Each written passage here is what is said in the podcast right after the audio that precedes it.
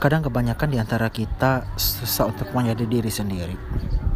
Lingkungan yang menuntut kita untuk menjadi manusia fake yang ketika bertemu dengan orang ini harus berubah seperti ini dan ketika bertemu dengan orang lain juga harus berubah dengan cara yang lain.